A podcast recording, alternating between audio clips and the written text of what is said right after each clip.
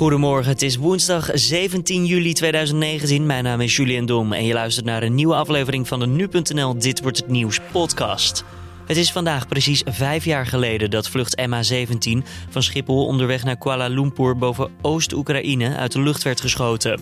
In deze podcast gaan we uitgebreid in gesprek met een van de nabestaanden, Silene Frederiks. Zij heeft haar zoon en de vriendin van haar zoon verloren in deze ramp. En nog altijd weet ze precies wat ze voor het laatst tegen hen heeft gezegd. Ik heb ze gegroet. Ik ging naar mijn werk om uh, iets voor zevenen. En ik, ik, heb ze allebei omhelst en uh, gezegd... Uh, maak veel plezier, pas goed op elkaar.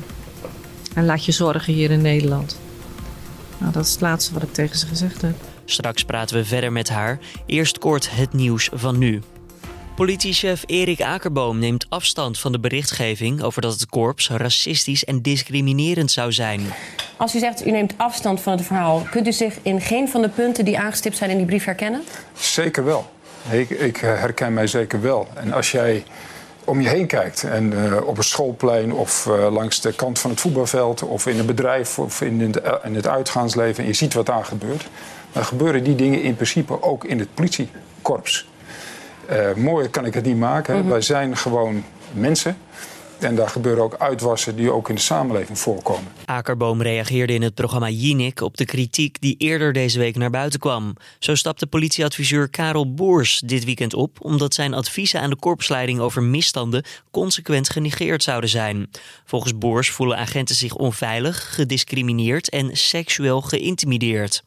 Een meerderheid in het Amerikaanse Huis van Afgevaardigden heeft in een stemming president Donald Trump veroordeeld voor zijn tweets gericht tegen vier democratische congresleden. Every single member of this institution, Democratic and Republican, should join us in condemning the president's racist tweets.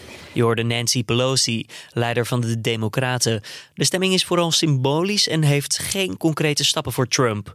De president zei afgelopen zondag dat de vier congresleden beter terug zouden kunnen gaan naar het land waar ze vandaan komen. Drie van de vier zijn echter in de VS geboren en alle vier hebben ze de Amerikaanse nationaliteit.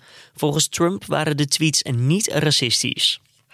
1 op de 12 Nederlanders is in 2018 slachtoffer geworden van digitale criminaliteit.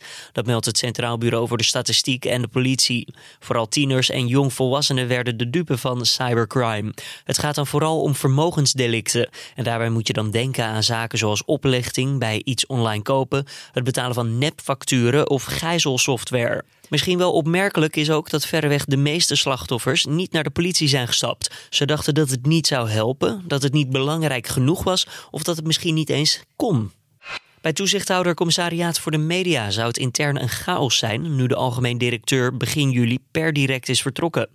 Ook is er nog geen opvolger voor de in juni vertrokken voorzitter Madeleine de Kok-Buning. Dat schrijft NRC. De Kok-Buning zou de komende 10 jaar recht hebben op 6,5 ton aan wachtgeld, terwijl er intern kritiek zou zijn op haar functioneren. Het commissariaat laat in een reactie weten aan de krant dat de Kok-Buning zo kort mogelijk en in ieder geval niet langer dan een jaar gebruik zal maken van de regeling. Dan ook nog even kort het weerbericht. Iets eerder dan je van ons gewend bent, omdat we dan zo uitgebreid kunnen praten over MH17. Er trekken deze ochtend nogal wat wolkenvelden over het land, maar er is wel wat ruimte voor de zon. En later vandaag kan er in het noorden nog wel een bui ontstaan. Het kwik ligt tussen de 20 en 25 graden. Het zal al met al wel ideaal wandelweer worden voor de vierdaagse lopers. Dan vlucht MH17. Vandaag precies vijf jaar geleden werd het toestel uit de lucht geschoten boven Oost-Oekraïne. In de middag zal er nabij Schiphol een officiële herdenking plaatsvinden. Hoe kijken nabestaanden terug op deze verschrikkelijke gebeurtenis van vijf jaar geleden? Collega Job van der Plicht ging in gesprek met Silene Frederiks. Ze verloor haar 23-jarige zoon genaamd Bryce en zijn vriendin Daisy van 20 jaar. Samen waren zij op weg naar een vakantie in Bali. Job vroeg Silene hoe zij MH17 een plek heeft kunnen geven. Dat is verweven in mijn leven. Alles, uh, ja, dat, dat gaat maar weinig, niet over MH17 op een dag. En, en op wat voor manier krijgt dat dan invulling op een dag? Kunt u een, een dag schetsen hoe dat dan gaat? Ja, sowieso heb ik uh, Google Alerts aanstaan op MH17. Dus ik krijg elke dag uh, wel uh, berichten. De ene dag is dat rustig, hebben we er een stuk of vijf, zes. En er zijn ook dagen zoals nu, ja, dan krijg je er wel 50, 60 op een dag. En er is altijd wel iets dat je gaat bespreken met andere nabestaanden, juridisch of uh, ja, ook, toch ook natuurlijk, natuurlijk ook over je verlies en over je gemis. Dus ja, elke dag is het wel, uh, komt het sowieso te sprake. Er is nog geen dag geweest dat u uh, niet aan, uh, aan, aan, uw zoon en aan uh, zijn vriendin dacht? Nee, absoluut niet. Het, nog, geen, nog geen vijf minuten, denk ik. Nee. Die zitten altijd in mijn hoofd. Altijd.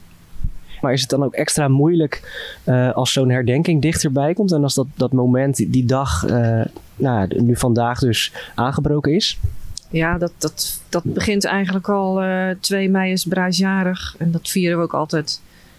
En dan, dan ga je al gewoon voorbereiden op 17 juli. Dan, dan zit dat al in de lucht en we gaan het er al over hebben. En je moet je aan melden. En media begint er ook alweer een beetje over. Ja, dat, dat, daar groei je ook naartoe weer dan.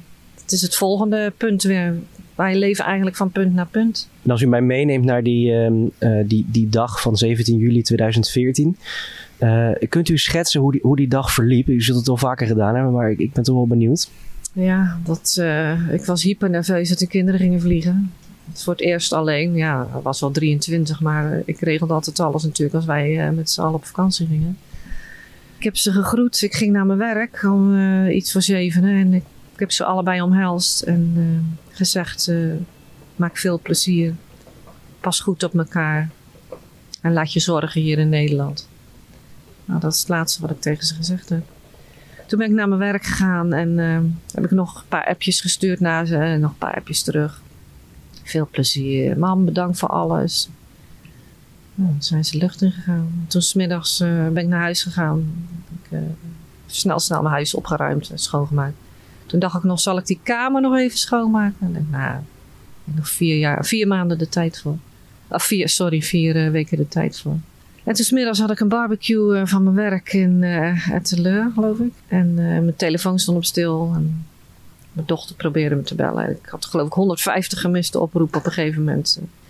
Maar ik, ik had niet gekeken. En via een collega hebben ze me te pakken gekregen.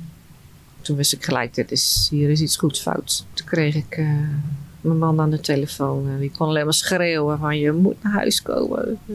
Prijs en Daisy... Of die zei dat ze neergestort of neergeschoten waren, dat kan ik me niet herinneren. Ja, op dat moment uh, ging ik in de overlevingsstand.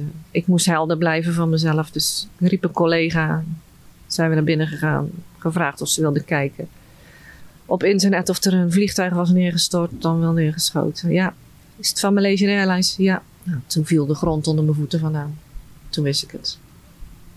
En hoe ging die dag toen verder? Uh, ik ben toen naar huis gebracht door twee collega's. Uh, ik kon alleen maar mijn handen voor mijn mond houden en zeggen van... Uh, het kan niet, hoe kan dat nou? Ik wist dat het waar was, maar het, het drong gewoon niet door. En toen thuis... Ja, ik was de laatste die het wist. Mijn huis zat al vol met familie, vrienden. Het enige... Ik, ik, bleef helder. Ik, ik, kon niet huilen. Ik, ik was in shock en overlevingsstand gewoon. Ik moest dingen regelen. Ik wist wel niet wat, maar... Als je dat niet hebt meegemaakt, is dat niet te bevatten. Maar ja, dat zorgt voor enorme leegte, kan ik me voorstellen.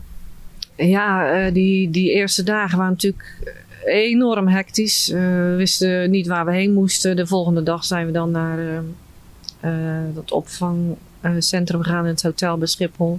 Het is chaos. Chaos. Je weet niet van gekkigheid niet wat je moet doen. En andere mensen nemen daar dagelijkse dingen over. Eten, je huishouden wordt overgenomen.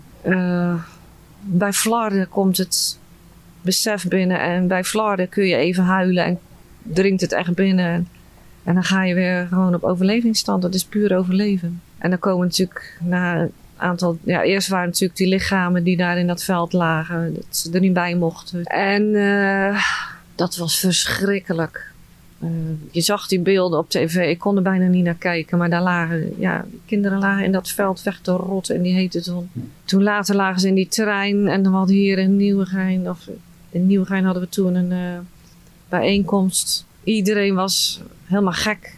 Het was gewoon gekte, chaos en gekte. Ja, en toen kwamen die vliegtuigen binnen met die lichamen. En ja, bij elke kist konden die kinderen in liggen. Dus we zijn ook alle tien keren geweest dat die vliegtuigen binnenkwamen. En elke keer voelt het alsof je ze, alsof je ze aan het begraven bent. Ja, dat is gewoon hel. Het was gewoon pure hel. En ging dat dan ook uh, in, in delen voor, uh, voor, voor en voor uh, Daisy? Of, of kwamen die, van wat er is teruggevonden, kwam dat in één keer aan? Nee, ze zijn in stukjes teruggekomen. Ja, we hebben op, na zes weken van Bryce voor het eerst een aanzegging gekregen van was zijn voet gevonden, zijn rechtervoet, helemaal verbrand. En van Daisy was pas na drie maanden een stuk van haar heup ook helemaal verbrand. En later hebben we nog een aantal keren van beide aanzeggingen gekregen van kleine stukjes. Ja, het is gewoon verschrikkelijk. En persoonlijke spullen, is daar nog iets van teruggevonden van hen? Ja, we hebben wel, uh, later was er een, uh, een database uh, gemaakt. Dan kon je zelf zoeken naar spullen die, waarvan je dacht dat ze van je nabestaan of van, van je kinderen waren. Dat was ook verschrikkelijk om dat te moeten doen. maar dan zag ik inderdaad dingen die van hun waren. Onder andere deze haar uh, rugzakje. Als, wat ze als handbagage had meegenomen. We hebben de, de tickets die geprint waren. De, de, de boarding passes hebben we terug. We hebben een, notitieboekje terug. Een visitekaartje wat ik had meegegeven. Wat kleding. Ja, dat soort dingen zijn teruggekomen. Maar, en de opladers van hun telefoons. Maar geen paspoorten en geen telefoons. Die, uh, zijn verdwenen. U zei net al, uh, ik had de kamer uh, voordat het, uh, dat het u bekend was dat het vliegtuig was neergehaald. had ik die kamer kunnen opruimen. Dat heeft u na afloop ook niet meer gedaan. Volgens mij tot op de dag van vandaag niet meer. Hoe, hoe is dat om die kamer intact te houden? Dat voelt gewoon goed. Het is hun kamer. Het is nog steeds hun kamer. Het klinkt misschien wel raar, maar ze kunnen zo terugkomen. Dat denk ik wel. Ze kom maar gewoon weer terug. Je weet, met je hoofd weet je wel dat dat niet kan het is ook heel moeilijk te bevatten wat er is gebeurd. En ik denk dat het ook mede komt uh, dat ze, ja, dat we ze nooit meer gezien hebben. Ze zijn weggegaan, we hebben nooit meer wat gezien. Misschien een beetje gekke vraag. Uh, maar uh, denkt u dat dat, dat tot, ja, tot, tot in lengte van dagen zo blijft die kamer? Of, of, denkt u dat er op een gegeven moment een moment komt dat u dat toch gaat aanpassen? Misschien, maar dat zullen dan kleine aanpassingen zijn. En zolang, ik, zolang het gewoon oké okay voelt, laat ik het zo. Ik hoef van niemand die kamer uh, te veranderen. We zijn nog met z'n tweetjes nu in huis. Uh, het is goed zo. Komt u er vaak in die kamer? Sowieso maak ik elke ochtend die kamer open. Dan wens ik ze goedemorgen. S'avonds doe ik hem weer dicht en dan zeg ik wel trust. Maar ja, af en toe ga ik er even zitten en dan praat ik tegen ze. Wat zegt u dan tegen ze? Soms gewoon de dagelijkse dingen. Als ik ze heel erg mis, dan vertel ik waar we heen gaan, wat we doen. En soms dan zeg ik ook van, waar ben je nu? Waar zijn jullie? Ik wil weten of het goed gaat. Ja, kom alsjeblieft in mijn dromen of kom een teken geven. Ja, dat soort dingen.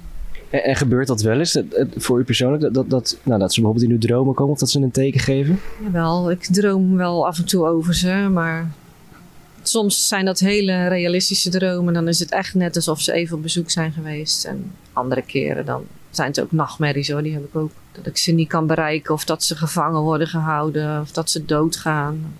Ja, dat soort dingen droom ik ook. En soms krijg ik ook wel uh, tekentjes. Ja, toch wel. Op wat voor manier? Bijvoorbeeld televisies die aan en uitgaan. Uh, op, op momenten ook vaak nog uh, dat er weer wat op handen staat. Uh, licht wat aan en uitgaat. Een deur die niet meer open of dicht gaat.